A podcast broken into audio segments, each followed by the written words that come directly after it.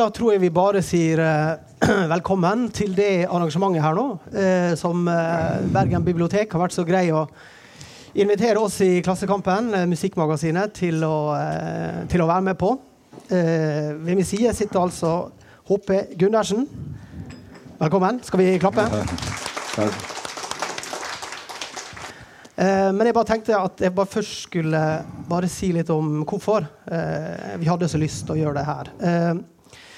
Når da Charlotte og biblioteket spurte oss eh, i Klassekampen om ikke vi kunne komme bort eh, og gjøre ei greie her, det var på høy tid, og, eh, og, og vi ble enige om at jeg kunne ta turen. Jeg har jo bodd her før. Eh, veldig fint å ta en tur til Bergen. Eh, da var jeg helt klar på at eh, det her det måtte være en prat med HP. Eh, fordi det er en type jeg lenge har vært fascinert av.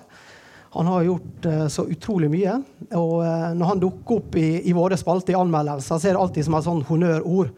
Hvis, hvis eh, noen blir anmeldt og HP har vært med på laget, så er det et pluss sånn automatisk. Det er sånn eh, styrke der. Og I tillegg så har han uh, i de fire åra vi har holdt på, uh, gitt ut noen plater som har fått veldig gode kritikker hos oss.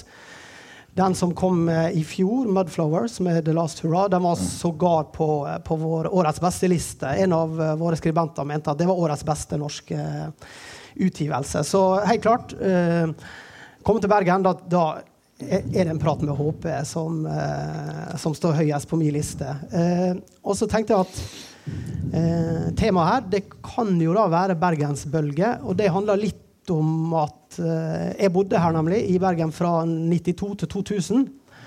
Og litt sånn overfladisk sett så, så tenkte jeg da hele veien på Bergen som en popby, og kun en popby. Fordi eh, når jeg kom, så var det Barbie Bones, det var Pogo Pops og det Chocolate Overdose. De var kjempestore, hadde konserter. Jeg husker en svær greie ute på Verftet, før det ble Verftet.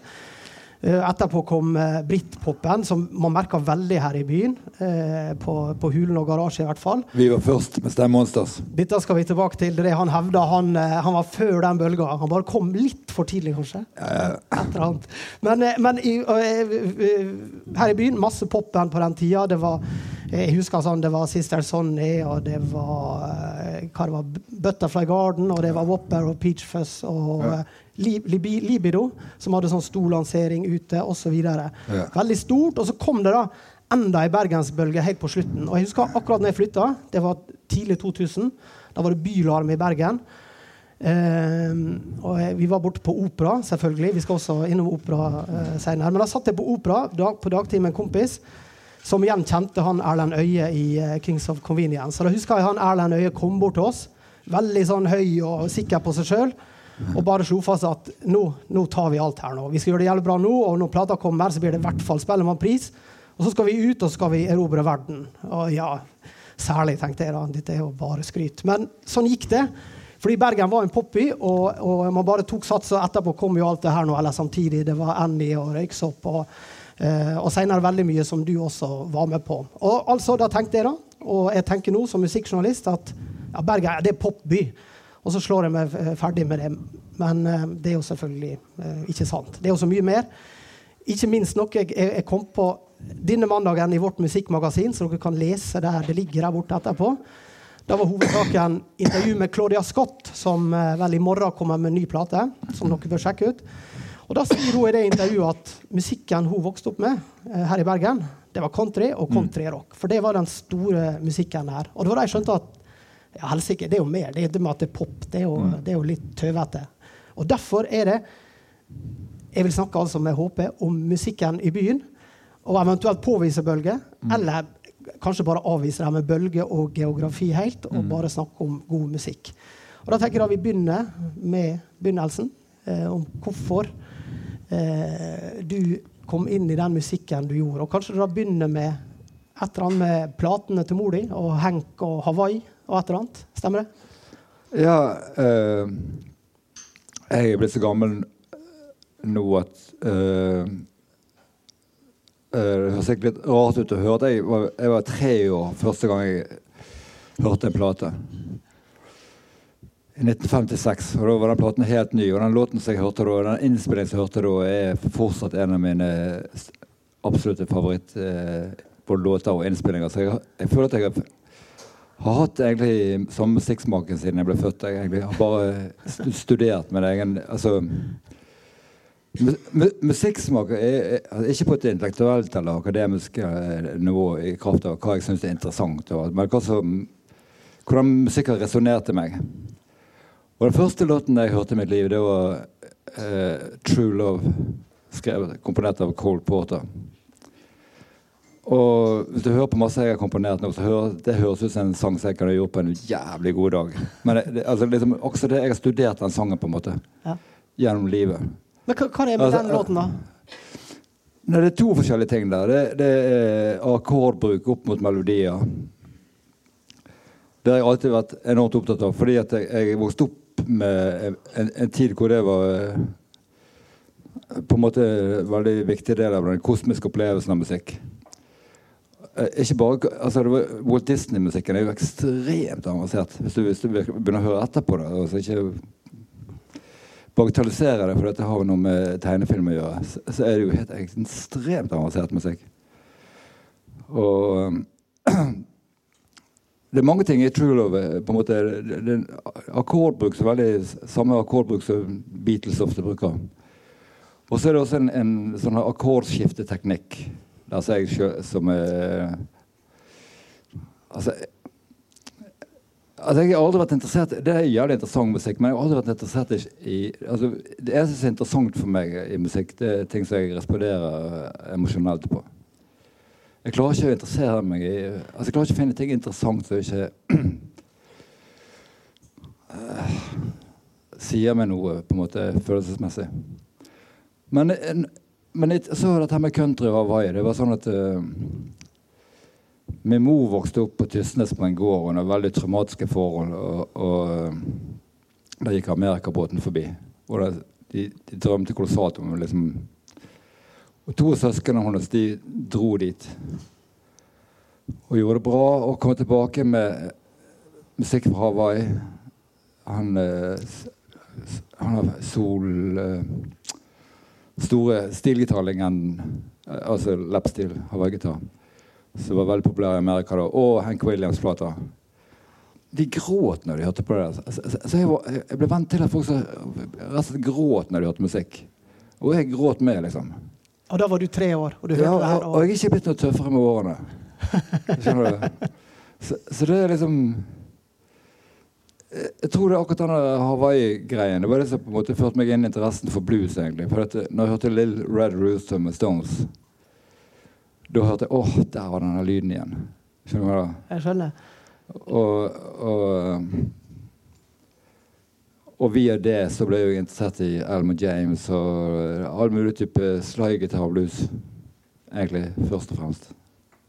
Men, men eh, altså, musikk det er, jo, det er jo bølger som treffer det fysisk, og så gjør det et eller annet med det. Og, sånn, og så sier du at du, du blir truffet.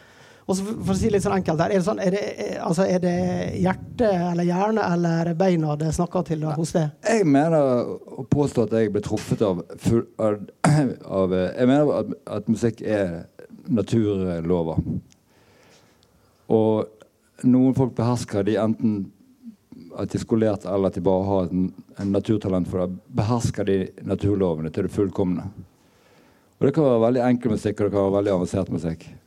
Men hvis det behersker til det fullkomne, så er det avansert musikk for meg. Altså i Én akkord og melodi skal være enormt avansert, men da er det avansert, og da ligger det i de små detaljene. på en måte. Jeg tror eh, Jeg er ikke flau av noe jeg har likt opp gjennom livet, egentlig. Og jeg vet at det er stor musikk jeg liker. Altså, jeg, jeg, jeg er ikke opphengt i noen spesiell sjanger. egentlig. Opptatt, det er noen elementer som jeg har vært opptatt av. Akkordting, meloditing og lydbildeting.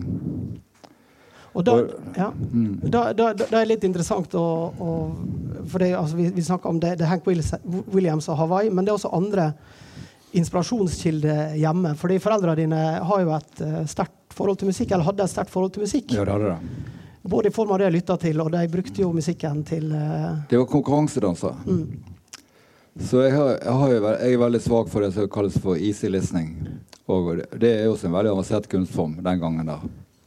Erik Satie var den første som lagde easy listening.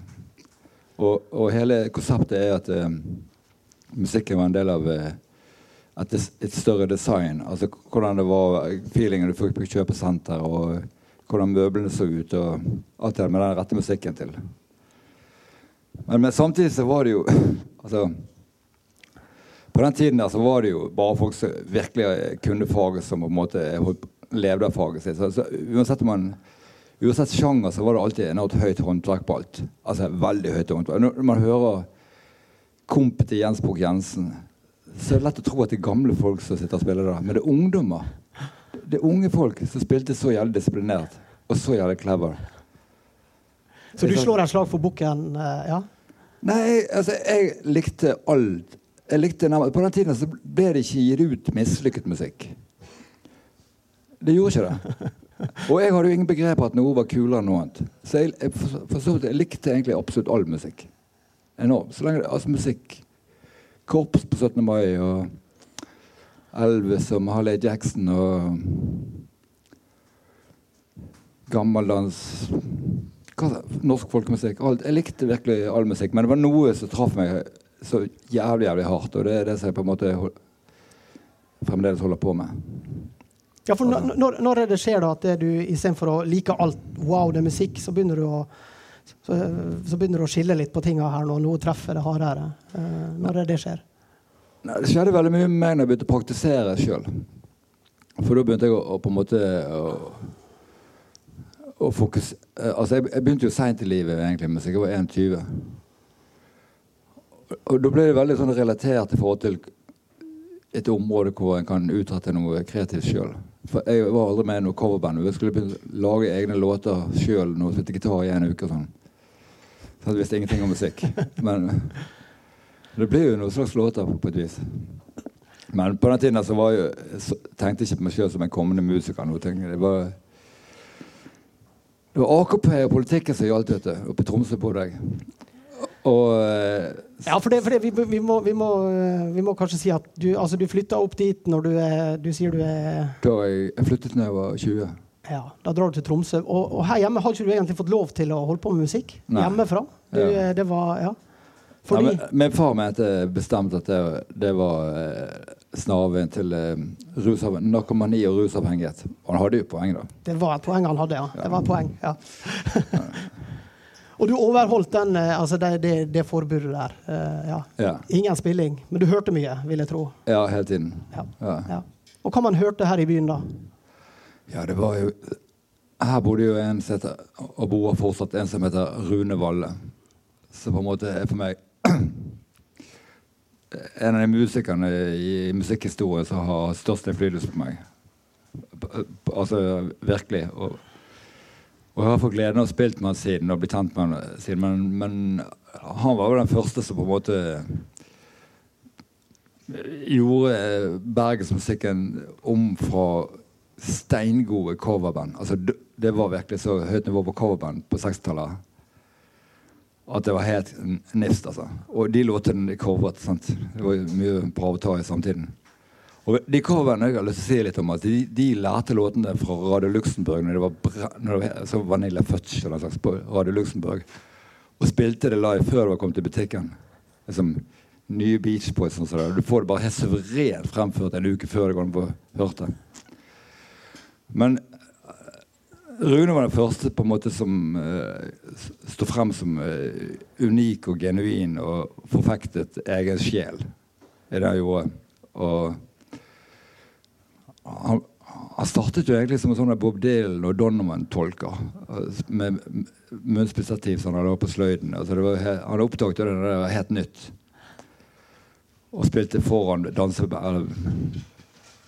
Snakker om danseband da. Da snakker du om at du, at du får liksom Og folk spiller Jimmy Hendrix og Four Tops og den slags til dans.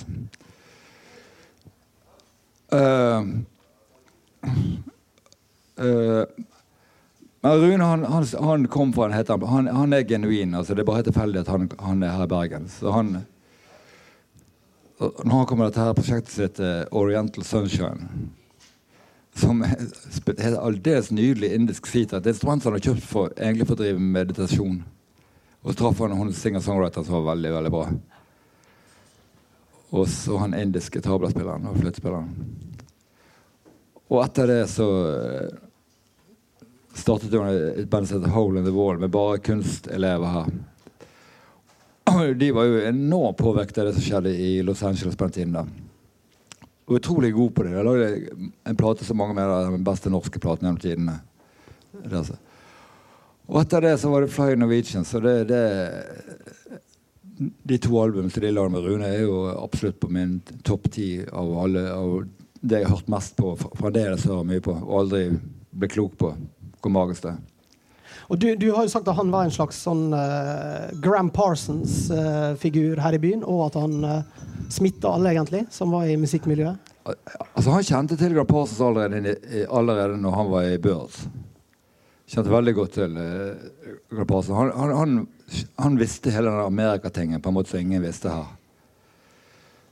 Og han var alltid tidlig ute. Til og med han, var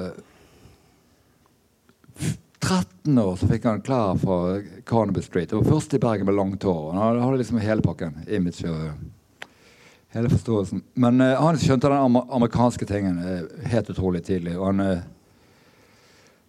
han er jo han er jo autentisk, på en måte, selv med ståelse fra Bergen. Han ble jo headhuntet til et stort amerikansk band og spilte med de i syv år. Mm. Det, det, er ganske spesielt at noen henter en gitarist fra Bergen. Og det er masse gitarister i men, men, men øh, også påvirka han byen her, sant? at det folk øh, ja, det ble tok den greia? Ja, det spredde seg altså, De hadde jo nærmest ikke spillejobber andre steder i landet. Det var, det var, ikke noe så interessant for Men her i Bergen så hadde de konsert på kino, liksom. Og det sittende intenst lyttende publikum. Ellers så var det på, på dans. Men men han spredde jo den musikken i kunstnere i det intellektuelle miljøet i Bergen. Og samtidig som i, Han spilte med Teddy Nelson. Han var jo ingen, ingen sånn intellektuell snobb. i tatt. Snobb, nei. Nei, nei, nei. Men han er veldig intellektuell. Ja. Men absolutt ikke en altså han, mm. Som Glad Parsons, vil jeg si. Intellektuell, men ingen intellektuell, ikke en intellektuell snobb. Men intellektuelt interessert. Helt privat. Ja. ja. Og kunstner. Og så han var han keramiker. Mm. Og, og, um, så fikk jeg det På den tiden tenkte man lett at, at country det var liksom uh, høyrevridd, corny redneck-ting. Altså, vi, vi, kjente ingenting til at det var en venstreside, den, den sjangeren der. Ja. Det var jo det som Rune visste. Nettopp. Så, og, og, uh, så det ble en enorm bølge. Og så, og så er det jo at det er jo jævlig inspirerende som instrumentalist å spille sånn musikk. For det, det, kan nå opp til et, et, et virtuost nivå helt på høyde med den mest avanserte jazzen. Og så når du går inn i hvor vanskelig det er å bli steingod på den musikken det, det, er veldig lett å, å, det er veldig lett å lage sånn latterlige overfladiske utgaver, men, men bli steingod på den musikken da, det er et, et, et, det er nesten ikke Du må ha nesten et helt særegen talent for å bli det.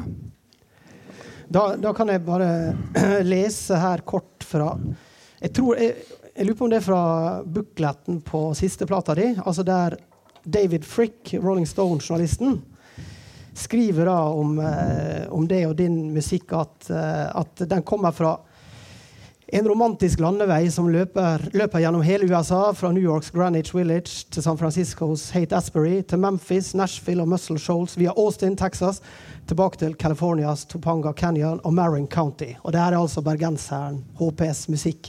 Og Kommer det inn fra det sjøl, eller kommer det fra Bergen, eller hvor er det det kommer fra? da? Er det du òg ble smitta den gang Nei. av uh, Valle? Nei, som, på en måte som en avstandsforelsket fan sant, av amerikansk musikk, så, så, må jeg jo tilstå at jeg visste jo enormt lite om eh, hele kulturen, hele historien. Altså, så jeg tror jeg at det, jeg tror den laste overplaten er mye mer eh, absurd enn det man egentlig helt skjønner. For det, det er en iscenesettelse av en blodfan fra Bergen. Og så har jeg fått fantastiske amerikanske musikere og sangere til, å fremføre dette, så det står frem som autentisk amerikansk musikk fra et distrikt som ingen aner hvor er. Du hører, altså det, det, det, er ikke Det er ikke det, det, er ingen som driver med sånn musikk i Amerika. Samtidig som det heter amerikansk musikk, men ingen som driver med noe som ligner på den Lars Dora-platen i Amerika. Så det, det er en iscenesettelse, og, og jeg er veldig godt klar over hvor eh,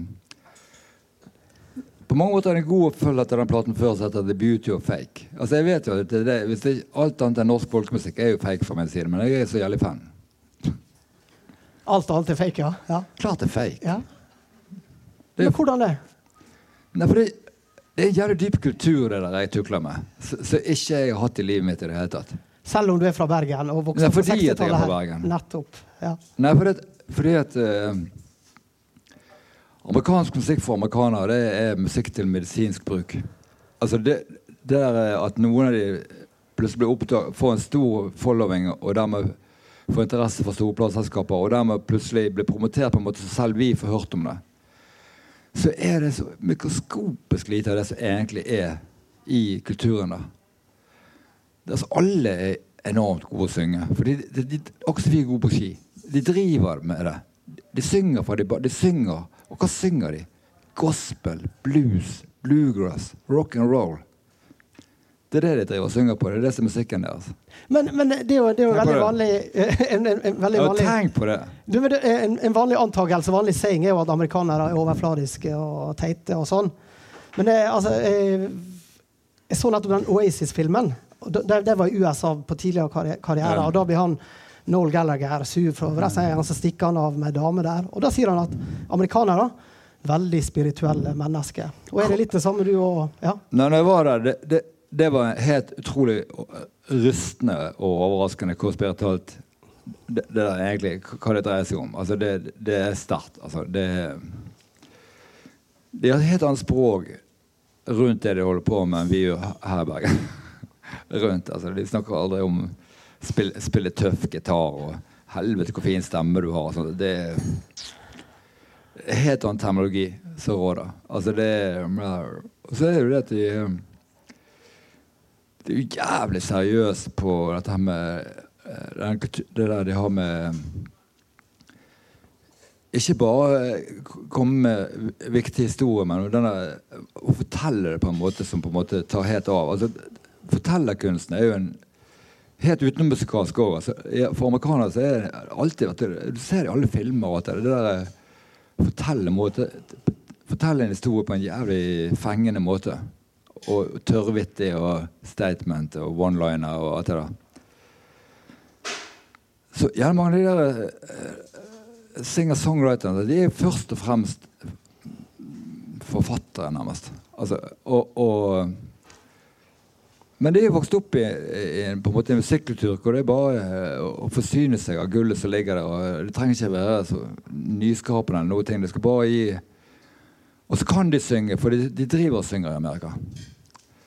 Så de synger fint. De trenger ikke å lære seg å synge fint. Sånn. De, de, de synger fint der.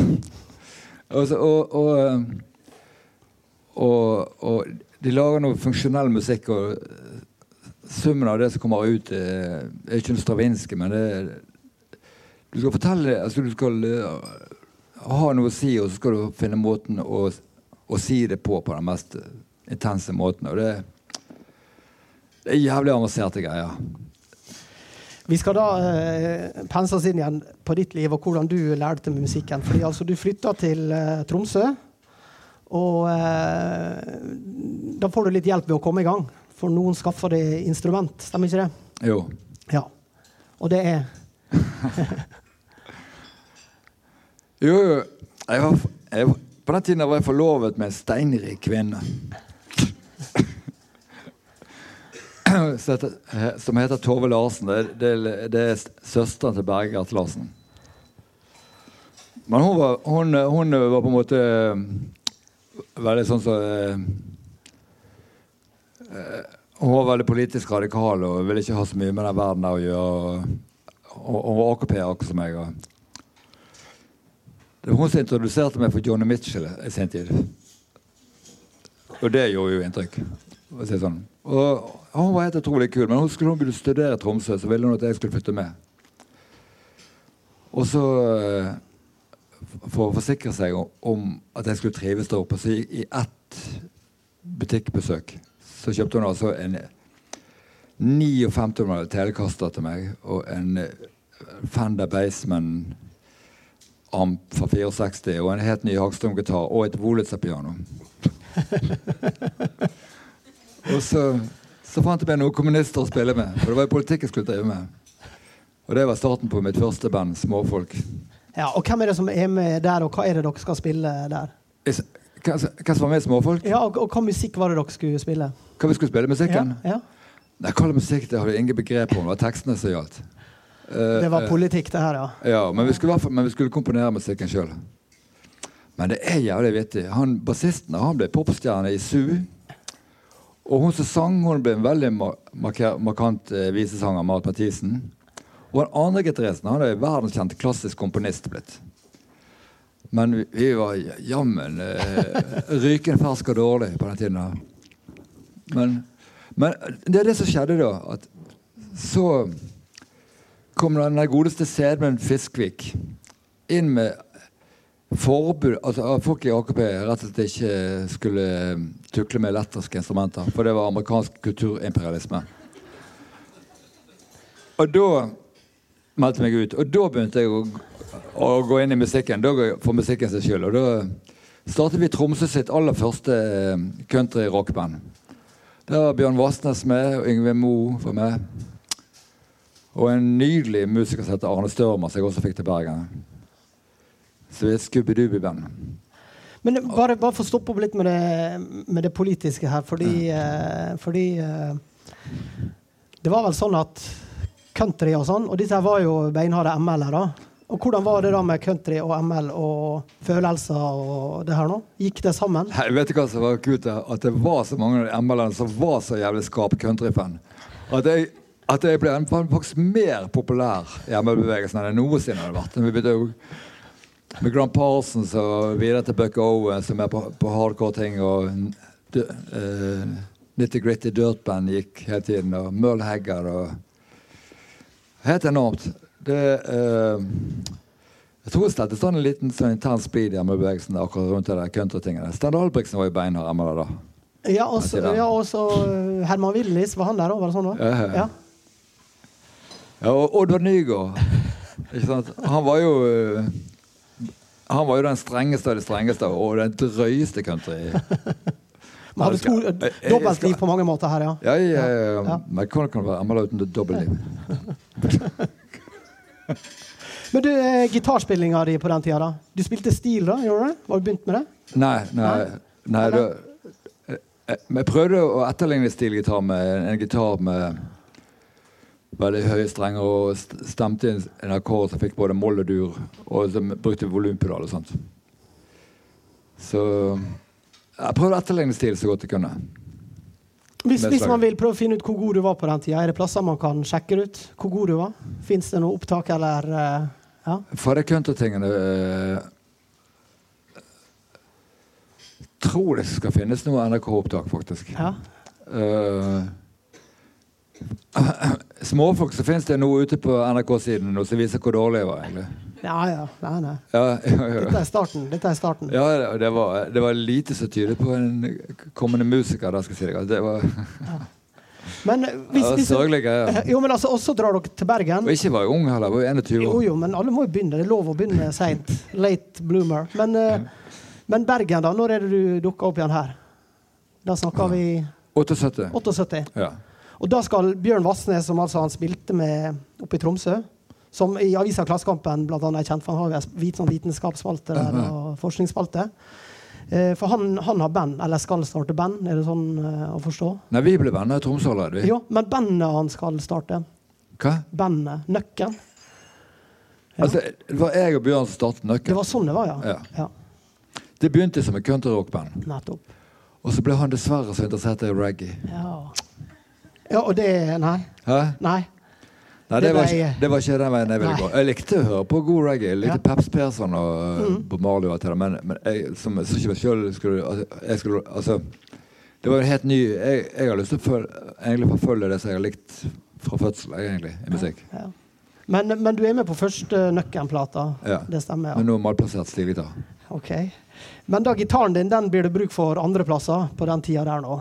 Fordi du blir eh, ja, oppsøkt og spurt om å være med? Ja, Det var veldig stor interesse. Jeg har lært meg å spille slidegitar, som sagt. Og, og eh, i Bergen så var det jo en, en, en, svær boom både på country og på blues med Bergen Bluesband. og alt det der. Så et medlem av Bergen Bluesband som heter Kåre Sandvik, så også på mitt annet band.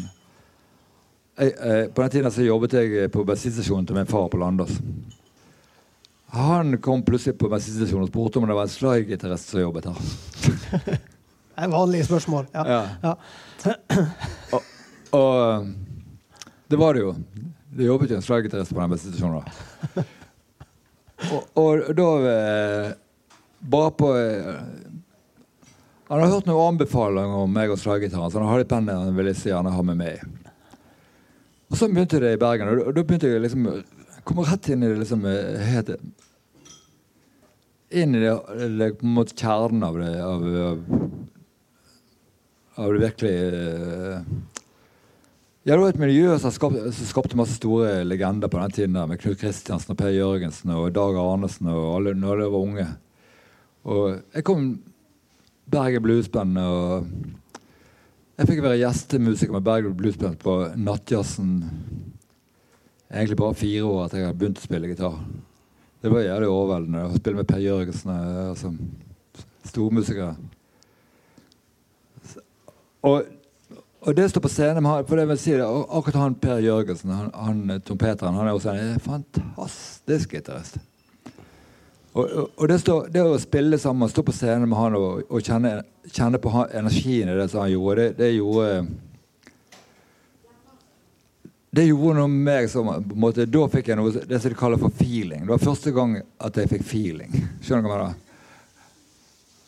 Det var jævlig sterkt å oppleve.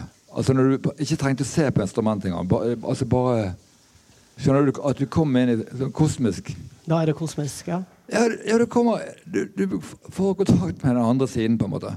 Altså, det, det er Alle som ikke har kjent på det, de tror ikke at, det, at den muligheten fins. Men de som har kjent på det, de vet jo at det fins.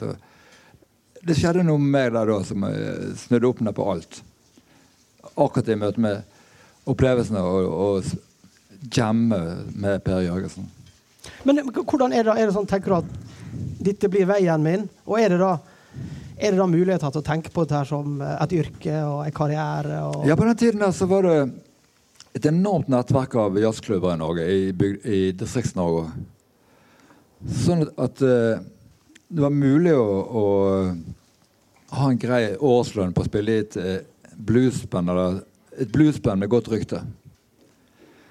Så vi uh, lagde selvfølgelig bluesband da, med godt rykte. Selvfølgelig. Så, ja. Ja. så vi begynte med det. Så vi, Men, men for oss som ikke var her i byen eh, den gang, da, rundt ja, slutten av 70, eh, 1980 eller noe sånt, altså, hva er miljøet her, og hvor er det hvor er det det skjer da, og hvor er det det er konserter og sånn? Hvis du kan- Her og nå? Ja, Nei, da. I 1980, for å si det Og, sånn. da. og den gangen det var Ja. først og fremst på Hulen. Og, eh, og så av og til på studentsenteret. Stort sett der. Men det var et en utrolig miljø på Hulen, altså. Virkelig. Ja. Men, men så tenker jeg på noe annet som skjer her, da. På, på vei hit nå så leste jeg ferdig den boka til Sverre Knutsen fra det aller verste om uh, nyveiv og punkscena den gang. Hadde du noe som helst med det å gjøre? Merka man noe til hverandre, eller var det noe som skjedde helt uh, separat? I Bergen kjenner alle alle, og sånn har det alltid vært. Ja. Al- Altså, eh, eksempel i musikkmiljøet i, i, Bergen og sånn, og sånn, sånn eh, altså instrumentalister på veldig høyt nivå. Det var folk som spilte bebop-jazz, og folk spilte bluegrass og alle tenkelige sjangere, men på et ambisiøst eh, og seriøst nivå. Mm. Og, og eh, det er jo akkurat sånn i Bergen også. Det er ikke så mange steder å møtes på. Så på, på en måte En som liker roots og en som liker punk, det er ikke to forskjellige verdener i en liten by som Bergen. Altså, man, man kjenner jo hverandre. liksom. Mm, mm. Man har gjerne litt forskjellige preferanser på hva man hører på eller gjør. Ja. Og da, da ble det etter hvert et band som heter Rust. Rust, Rust, Rust. Ja. Norsk eller engelsk uttale? Det var det som jeg likte med det, at det er valgfritt.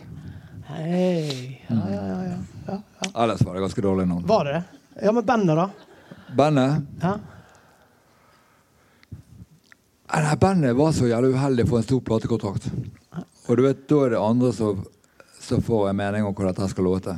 Altså, egentlig var det bra, men uh, man Ja, det var ja. faktisk det var, det var egentlig jævlig bra. Ja. Men kanskje du kan fortelle litt hvem som var med, og hva dere ja, Altså spilte?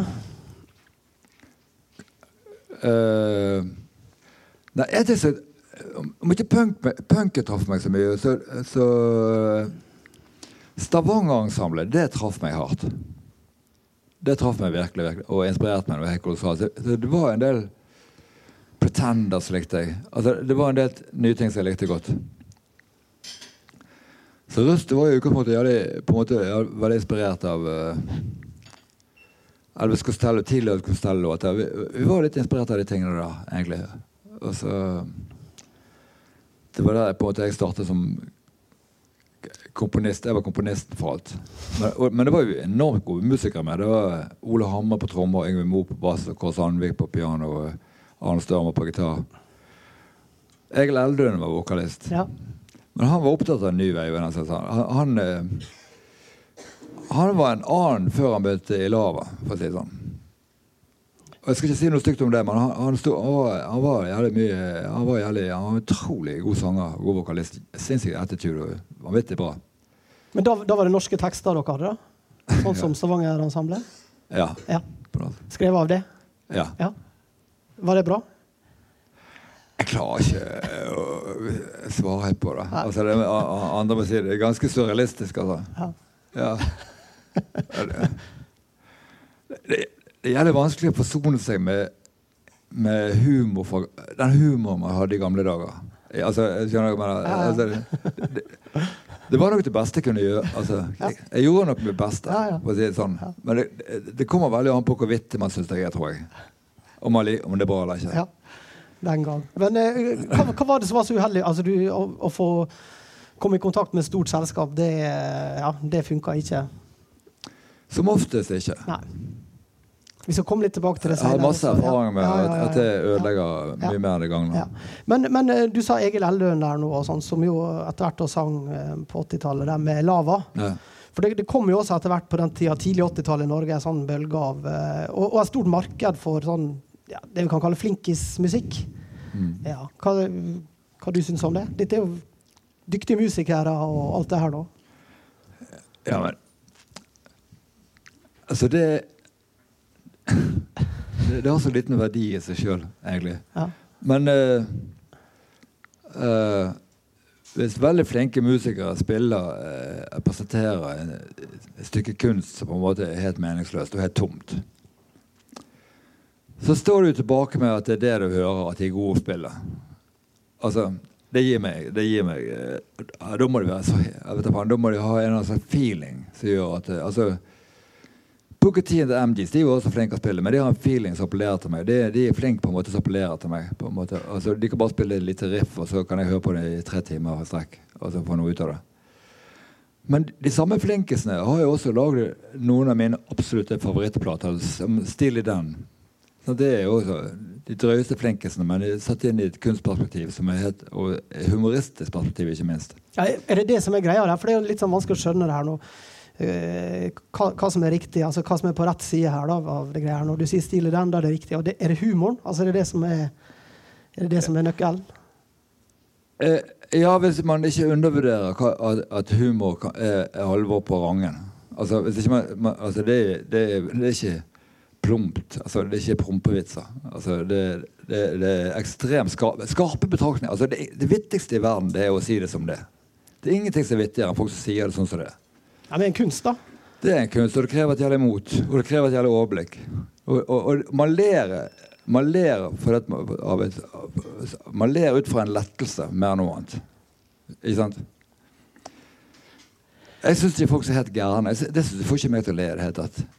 Helt det, Jeg, jeg, jeg syns det er bare uh, corny. Altså. Men, men eh, folk som trykker på det der eh, sa- Folk som trykker hardt på sannheten. Sånn som forfatteren Thomas Bernard og sånne. De får meg til å le i årevis. Her i Norge må jeg si Otto Jespersen. Han har sånn får meg til å le i mange år. Ja. Men jeg ler ikke når, når jeg opplever det først. For dette, du bare Ja, men kraftig ettersmak. Ja, det er ja, det, det, er altså et sånt musikkmarked som, som vokser fram. og pla, Norske plater kan selge ganske mye på den tida. Blant annet så eh, tar jo det skikkelig da for nevnte Claudia Scott og, og Casino Steel og uh, Ottar Big Hand. Ja. De har jo en trio som selger kjempemye plater. De drar rundt på tur turné, og da er du med. Da er du eh, hyra inn som eh, session-musiker eller turnémusiker. Ja. Ja. Og det Det var definitivt ikke noe for meg. Altså, og igjen, da må vi spørre hvorfor det. For det, ja. det høres så gøy ut. Det er stort, og det ja. Ja, det er stort, men det er jo ekstremt overfladisk samtidig. Altså, det er bare stort i omfang, men det er ikke Det har ingenting med hvorfor jeg elsker musikk å gjøre. Altså, for det første, når det, det opplevde jeg Når jeg opplevde jeg skulle ha, ha vi står på hva vi skal spille i Trondheim Det var ikke det Trondheim, men det var en sti inn til venstre, og det er tre mil inn i skau det så i sirkustelt så var det plass til flere tusen mennesker som var døddrukken allerede på lydprøven. ja. De var ikke der for musikken. Nei, de var der pga. de andre som var der. Ja. Og, og det var sånn det gikk da. Og, og um, Det spilte ingen rolle om det spilte bra eller dårlig. Eller, altså, det var uh, ja, Det var helt utrolig rart. Altså virkelig, virkelig rart, altså. Ja, For det er en annen historie der på slutten, at dere bytta om på dere, En av eh, de andre ble kledd ut som Nei, faen, vet du hva det var så jævlig vittig? Han, han, han lydmannen vår, lydmannen vår fra Sverige Han så helt make ut som Biggen. Bare var halv, han var en halv meter kortere. bare, Helt lik, bare En halv meter kortere. Ja, ja. Og så var han også jævlig god å synge. Så han Det var ett show jeg hadde hvor han eh, Hvor han, han lærte seg den åpningslåten og sang med, med Casino og Claudia Trestein. Og fikk lånt seg en sånn cowboyjakke. Og alle har sett for seg Biggen. Og så viser det seg at Biggen er faktisk litt kortere enn Casino Stil. Det er jævlig rart for folk. Da kommer jeg på scenen der. Men ikke nok med det. Han er naken nedentil. Han har bare den der jakka der. Og, naken nedentil med, med kassegitaren skjuler stedet. sant? Skjønner du? Og så altså, etter hvert så drar han bare gitaren høyere og høyere opp. Skjønner du? Og så Ja, og så Og så når Biggen gjør entré, selveste Biggen, så han kommer løpende ned, så sklir han på noe som ligger på gulvet, og, og går på trynet og, og og lander oppi en Martins-gitar som han akkurat kjøpt for 52 000 til pinneved. Og, og som med ganske store fysiske skader. Så han må liksom ut av scenen. Og, han er rett og slett ikke i stand til å gjøre konserten uansett. Han bare gjorde en kort, eh, katastrofal entré. Så det, det, resten av var med, var med Claudia og Claudia og Casino og oss.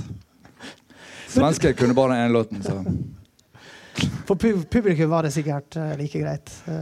Vi fikk ikke hyren på den gigen der. bare tråkke. Men du, eh, det, det, det å være på sånt altså, Det var vel ålreit å ha sånn fast uh, inntekt eller være betalt sånn for lang tid framover? Det må ha vært uh, Med de? Ja. På sånne ting? Ja, ak akkurat på den tiden så var vi i gang og startet Kaffe Opera. Ja. Så det var jo liksom det jeg skulle jobbe med. Ja. Så det Det var bedre. For da må vi over på det, selvfølgelig. sant? Og det er jo det som skjer da i 85. ja, det Er ikke riktig? Er det 85? ja, Ja. Min største hit. ja, er det det? Når du ser tilbake nå? Det er Ingen tvil om det. Men fortell om den starten der, og, og, og hva, hva det er som er, eller hva det er som ikke er i byen, da, som gjør at dere kan ta det rommet. På den, stedet, på den tiden der så Altså jeg var, I Tromsø var det en kolossalt eh, på en måte eh, sånn øh, fremskreden kafékultur. da. Ble kalt for Nordens Paris. Og, og, og, og det var jævlig mye kulturliv blandet inn i utelivet. Og, og det stedet Prelaten var jo Det var liksom eh, et sånt sted som kunstnere og bohemer og sånt eh, møttes. Som på en måte var eh, som et utrolig koselig konditori på dagtid. Men så gradvis eh, ble gjort om til eh, pub og konsertsted på kveldstid. Det var, det var et helt eh, fenomenalt sted. Og Når jeg kom tilbake til Bergen, så skjønte jeg ikke hvor eh, alternative folk gikk. Altså, om det gikk på Sundkafeen eller hvor faen man På Sundt, ja. Ja, ja, ja. vet, Hvor finner man folk på dagtid her? liksom? Og på kveldstid så var det bare på et sted som heter ett sted Bangladesh. Uh, ja, det er klart det var så trangt. Så det var ett sted for alle bohemer. Det var mange bohemer. Og, og da fikk jeg denne eh, ideen om å på en måte se om jeg kunne få, få med meg folk til å å starte på en måte Bergens første eh, kafé med C. Bergens første safé. altså, på en måte, og så tok jeg en enormt modell av eh, først og fremst privat. Men jeg, har- jeg hadde reist masse rundt på turné, så jeg har lagt merke til hva som fungerte, og hva som ikke fungerte. Og jeg, nei, jeg tror ofte det oppskriftene er å, å på en måte å, å komme opp med sånne gründerting som er for å dekke sine egne behov, og så er det mange som har de samme behovene. Altså, hele ideen min var å starte min egen favorittkafé. Ja, ja. Mm. Men det var jo den første på en måte interkontinentalkafeen i Bergen. Det var jo første som sagt safeen. Først i Bergen med bagetter. Tenk deg det. Første med espresso. Alle kalte det espresso. Espresso. Ja. Ja. Første med cappuccino. Første med, med croissant. Og jeg har en jævlig vittig historie med croissanten. Kom an. Nei, det, det, det, det vi hadde, ikke, vi, vi, vi, hadde ikke tatt høyde for at det skulle bli sånn jævlig suksess. Så. Så vi, all kjøkkenutstyr og alt det der var utslitt i løpet av tre uker. Og, det, og, og, og møblementet var jo eh, Vi slapp jo inn alt som var, og det var masse junker. Og liksom alt som var, så Folk pisset jo i sofaen. Det var helt udaglig. Folk Pisset i sofaen. Det var det villeste anarkiet. Og vi hadde ikke dørvakt.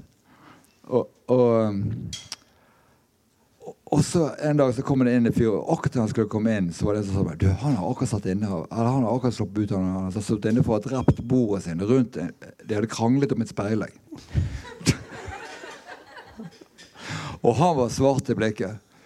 Og jeg sto bak disken, så pekte jeg på sånne krosser og, og sa han Kylling. Så, så prøvde jeg å forklare han at det var ikke kylling. Og, og da så jeg at, det- at det var farlig. Altså, Gi meg kylling. Og så, og så måtte jeg jo gi han, og, og, og syltetøy rant jo ned av munnvikene. Og, han kjørte, og, så- og jeg bare helvete, hva skjer der?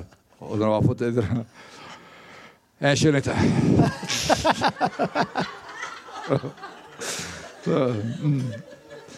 Men du vet Kråsår hadde mannen aldri sett i sitt liv. Har glad i kylling, da, i hvert fall. Ja. Ja. Men du var, du var dørvakt eh, en stund, da? Eller? Ja. ja. Eh, ja. Du er jo ja, du like stor som meg, omtrent. Det er jo Ja. ja. ja. Men det så farlig ut herfra opp. Ja, ja, det er bare om å Ja, ja, ja. og kort avstand. Ja, men Det har jeg teknikk på. Jeg gikk helt oppi folk som ikke så hvor spinkel jeg var. Men det hadde jo et skjegg om etter det. Så ut.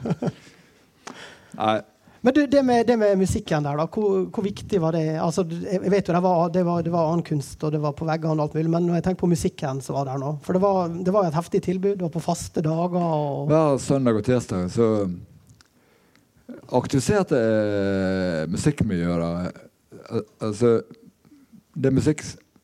Det var jo musikkmiljøet i Bergen sitt absolutte stamsted. Der. Og det var jo utrolig verdifullt på, på, på alle vis. Og, og konseptet vi hadde, det var at uh, forskjellige musikere fikk anledning til å sette sammen et coverband eller etter hva de ville. Improband, hva som helst. Og så ha to gigger på opera fra søndag og tirsdag. Det var liksom veldig jam, men med, med, eh, med struktur, på en måte. Altså, det, det, måtte være, det måtte være noe mer enn at bare folk eh, Mm. leter i blinde på scenen. Altså, det var Ja. kvalitetsjam. Ja. Kvalitetssikret jam. Ja. Og, og jeg, jeg hadde jo ansvar for det, så jeg visste hvem jeg kunne sitte på eh, Enkelte publikummere skjønte ikke helt konseptet, så jeg, jeg husker jeg sa Faen, Yngve Moe han er faen meg med i over 20 band! Men det varte bare én søndag og tirsdag. Ja, ja. selvfølgelig. okay, men det visste ikke de andre. Og, og så var det kanskje musikere som jobba der òg? Ja, altså, ideen var å uh, Ansettelsespolitikken var, var, en sånn uh, Så jeg syns fremdeles helt utrolig genial ting. For at vi vi ville ansette folk fra det miljøet vi ville ha som publikum. Med andre ord det publikummet som en sjøl ville ferdes i. Som, altså, jeg tror Hvis du lager et sted som ikke er midt i blinken for deg sjøl, altså, du skal begynne å, å, å, gruble i andre sine preferanser, da skal det mye til å lykkes. Hvis du grubler i dine egne preferanser, ja. så tror jeg ja. Så vi ansatte folk som ikke var egentlig ikke hadde noe erfaring fra faget i det hele tatt, men eh, det er ikke så jævlig vanskelig å selge øl. Altså, å vaske litt i baren ja. før folk klager og sånt. Jeg var helt elendig, da. Men, men de fleste klarer det så lett som ingenting. Og, og, og, ikke skulle vi ha noe Folk kunne gå kledd sånn som de gjorde til vanlig, og det var ikke vanlig på den tiden engang. Ja, ja. Og, og, og vi, vi ansatte folk fra andre kulturer, og vi masse det var jo virkelig det første eh, stedet hvor eh, homsemiljøet fant sin plass i Bergen. Det syntes jeg var utrolig bra. Vi hadde masse ansatte Altså, vi ville ha et, et, enormt mangfold blant ansatte som måtte virkelig, Det var en sånn big family-idé, egentlig. Mm. Mm. Men jeg, jeg, husker det fra, fra 90-tallet. Veldig god mat, men kanskje litt billig. Hvordan var businessen her, egentlig? Var den uh, ja. Nei, altså, vi Når vi uh, drev det, og det var en av vår egen gjeng som var daglig leder, så var det helt enormt mye svinn. og helt my Det var mye som kunne vært uh, Vi kunne tjent mye, mye Altså, jeg tror ikke det, men det er det mange tror. At vi, vi kunne omsatt Eller nettoen kunne vært større på ting. Men, men for det var så ekstremt populært, så var bruttoen allikevel så bra at det var ingen grunn til å klage. Men da når de eh, såkalte sleeping partnere med 51 eh, aksjekapital anser, skjønner at her er det mer å knipe inn og, og gå inn med denne greia vi, vi, var ikke businessfolk. Vi, vi hadde en visjon. Ja. Skjønner, vi, vi var overhodet ikke businessfolk, noen av oss. Men vi, vi, hadde en visjon, og det var utrolig gøy å få det til å skje. Og vi hadde ingen grunn til å klage på lønn eller noe. Det var helt topp. Ja. Og, og, men når både folk som er businessorientert og tenker på en annen måte, blande seg inn De skulle ikke blande seg inn i den, de, de, skjønner ikke denne bohemkulturen. Og jeg, jeg skjønte men når de ansatte sin daglige leder på Kaffe Opera Det var fremdeles fulle hus hver dag, og alt det der, men jeg visste at det, det går til helvete mm. kjapt. Altså, jeg merket at uh, magien, magien forsvant. Og I tillegg så kom det masse nye konkurrenter. og alt det der. Men, men, men denne magien som gjør at folk er lojale, den forsvant. Så jeg jeg? At jeg fikk solgt meg ut med helt enormt uh, fortjeneste. Og et halvt år etterpå så var, gikk, var stedet for meg konk. Ja. Så jeg, jeg, jeg, kom inn ut på et perfekt tidspunkt. Men, uh, mm. Du, eh, tida går her, men dere klarer ti, ti minutter til? 10-15 minutter til? Det går bra, det? Eh, vi, vi, kjører på videre her. Vi, inn, vi, rekker jo aldri Vi kommer ikke gjennom alt. Det er helt umulig. Men eh, Stain Monsters, ja. si litt om det, da. Og hva det var dere var tidlig ute med, da, så du ja, nevnte Nei, Stein Monsters har en, en, helt utrolig merkelig historie. Det var På et tidspunkt så, så, så skulle jeg prøve å, å få meg publisheravtale som komponist. Og så, og så lagde jeg noen sanger. Og, og, så hadde jeg hørt Stein synge det eh, punkebandet sitt 700 Toilets. Og jeg syntes han hadde så jævlig bra attitude. Altså, han, wow, han, var noe spesielt. Han jobbet på Kaffe Opera på kjøkkenet. Så jeg spurte om han kunne synge eh, noen demoer for meg. Og vi sendte fem låter inn til et forlag, og en av dem kom ut med Rune Rudberg. Hvis jeg sier noe. Det var det. Men, eh, men, eh,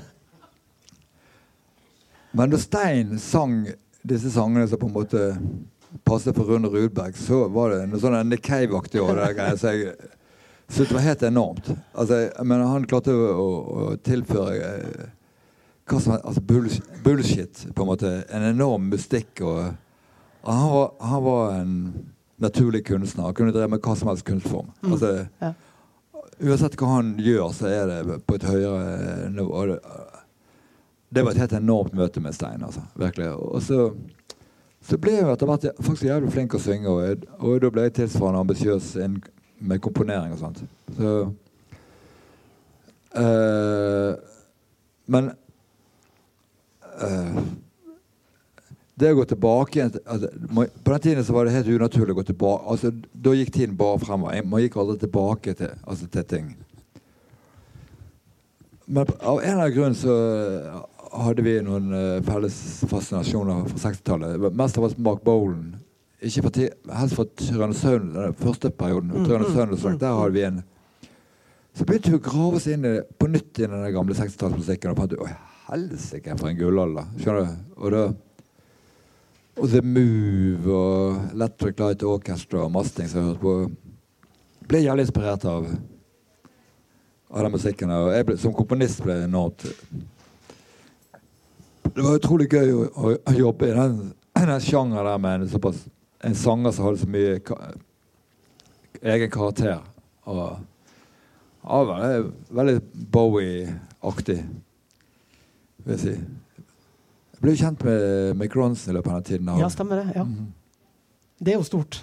Som spilte altså i Ja. Spiders of Mars. Uh, ja. Jeg, jeg skjønte ikke Da skjønte jeg, var ikke noe, jeg hadde ikke noe særlig forhold til Bowie, så jeg ante ikke hva eh, Det store for meg det var at han var en helt utrolig grei kar. Og, og fantastisk gitarist.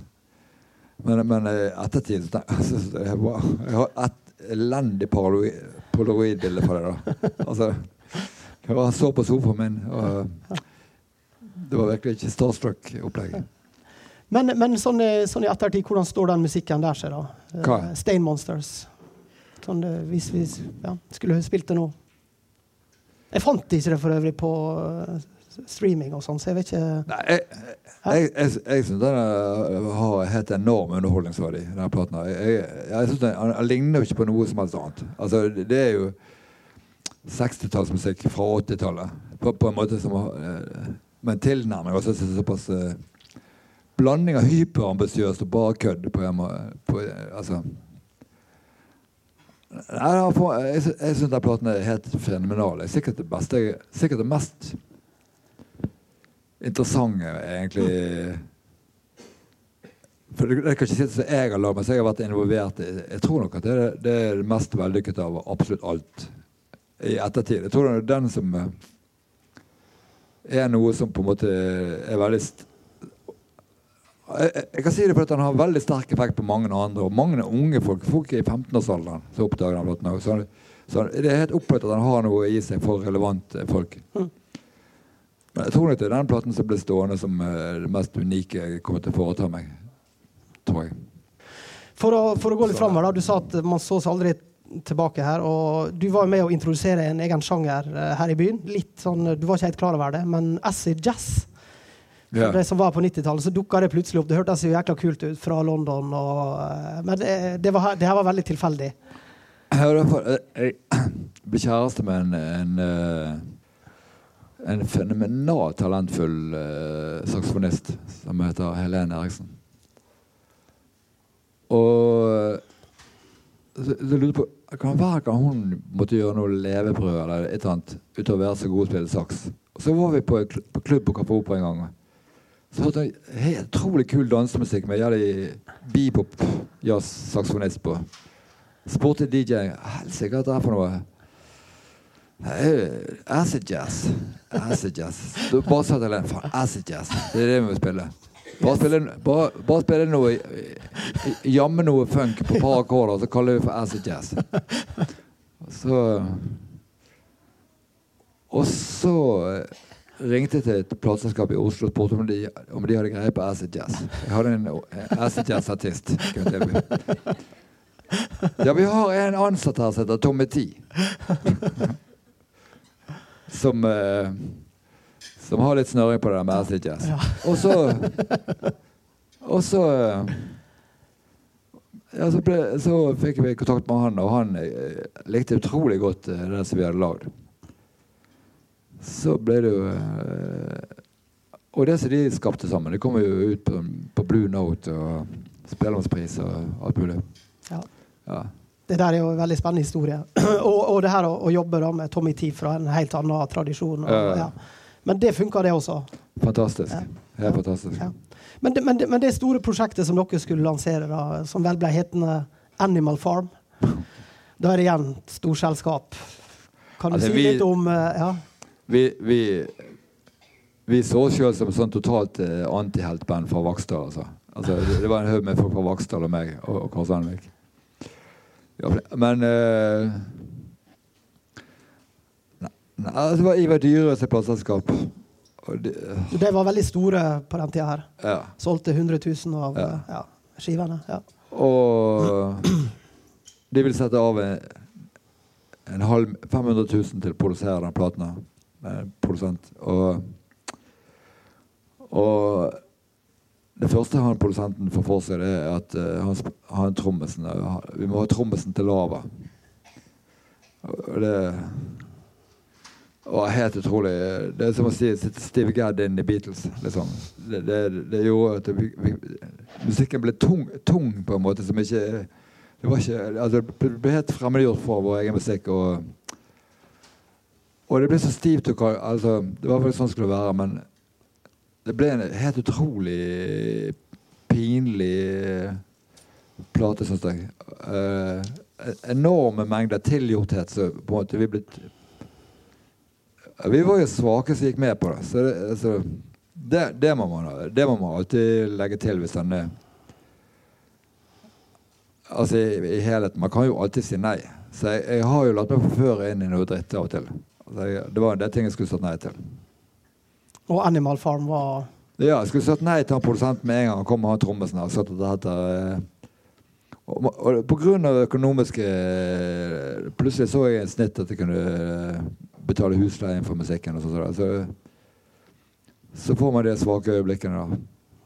Som på en måte anbefaler alle å ikke å prøve å styre unna, for det får jævlig dårlige langsiktige konsekvenser.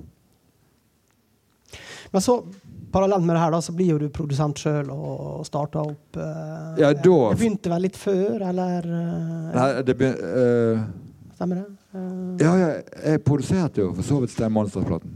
ja. Mm. Og så var det noe med Lynn i trekrem også. Eh, Ja. Ja, Og det var jo, det var jo 1983, da. ja 1983. Ja. Nå har, det, det er jo en helt fenomenal historie, men den er jo litt for lang. Nå, ja. Vi har gått litt over tida, da. Men ja. ja. Jeg, kan, altså jeg har jo på lista her da, Vi har Little Sister og Twitter-friendly. og Det gjør du sjøl, og det er Lerke, og det jobber med Cato Odland. Jørgensen. Prosjektet Jørgensen. Det var helt nytt for meg. og Det, det må ha vært på 90-tallet når jeg eh, bodde her. Stemmer ikke det? Jo. Eh, Kan du fortelle litt om det, da, for de som kanskje ikke har hørt det? Det er jo litt gøy, da. Ja. Altså Ja. Det er det vi skal slutte med. Jeg, jeg, jeg aner ikke hva han skal lage kortversjon av det. Er, den- er den for lang? Ja, jeg, får- jeg får ikke den under Hæ? ja, For det- ja, der kommer boken. Jeg får ikke den under et kvarter, for å være helt ærlig. For det, det, det må jeg kunne Ja, si. da. altså, under et kvarter så, så vil den ikke make sense. Nei, for det, altså, Poenget er at når jeg har forberedt meg til intervjuet, så har jeg vært så heldig at jeg har jo hatt et manus. For det er jo et manus, bokmanus som ligger der. Som må bli ei bok. Ferdigstilt. Det må jo det. Ja. Ja. Og du, eh, du har litt du har de siste åra gjenstår Hva? av bok eh, Ja. Jeg har jo skrevet del én. jeg skrev eh, ikke den Jeg skrev den boken for For ren terapi seg skyld. Jeg hadde aldri tenkt at noen skulle lese det. Eller. Eller, kanskje mine beste venner skulle lese det, men jeg, jeg eh, eh, Jeg var veldig syk på den tiden, altså psykisk. Al- Altså virkelig alvorlig syk. Så jeg, jeg, jeg skrev det der Jeg intervjuet meg sjøl for å på en måte samle tankene mine om hele historien min, og hvorfor ting har gått som det har gått, og hvorfor har jeg blitt som jeg har blitt. og alt det der. Og, og Det kan fremstå som vittig at jeg intervjuer meg sjøl, men, men jeg og intervjuer meg sjøl hele dagen lang. Jeg, jeg, sånn, har ikke alle to stemmer i seg. Altså, eller, jeg, og folk er enige med seg sjøl hele tiden. Men har ikke man indre uenigheter og, indre diskusjoner? Er ikke det vanlig?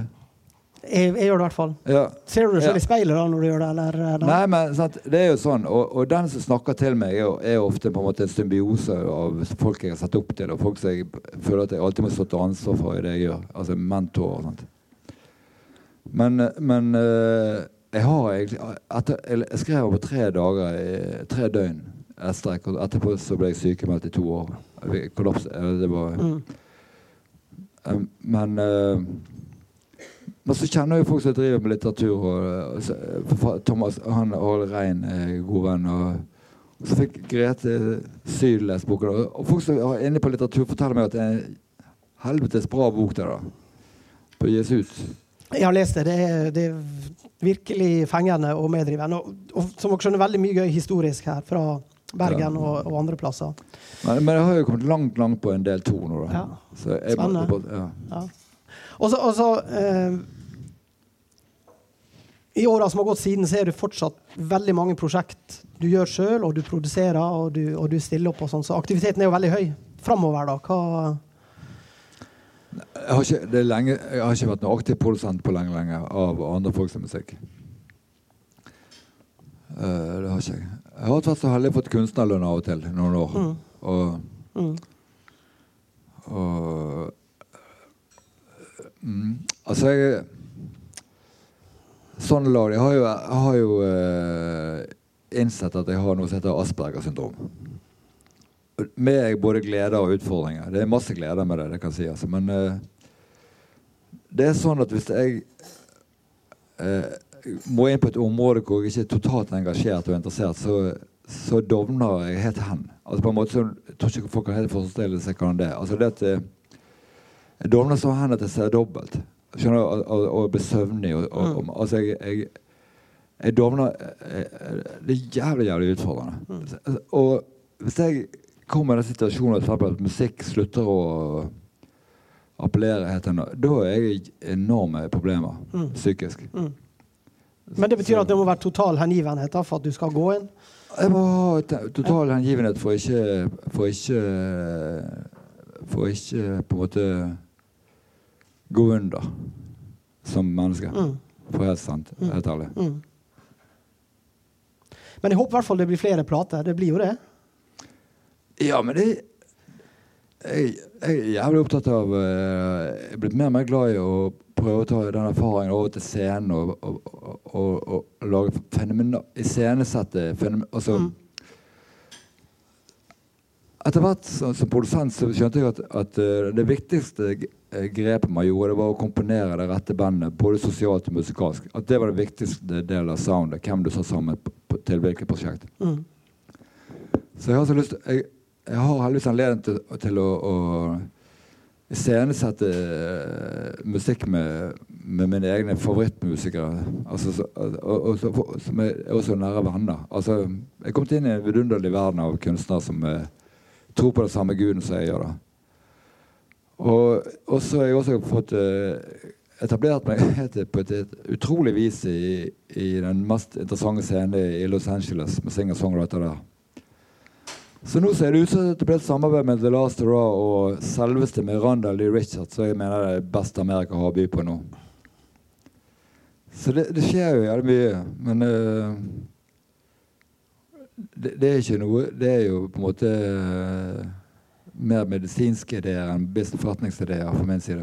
Ja, ja, men da er vi tilbake der vi snakka Ja. om det spirituelle og det Ja. å gå inn i det. Ja. Da tror vi Med de ordene så tror jeg vi sier uh, takk til HP for at han ville dele det her med oss.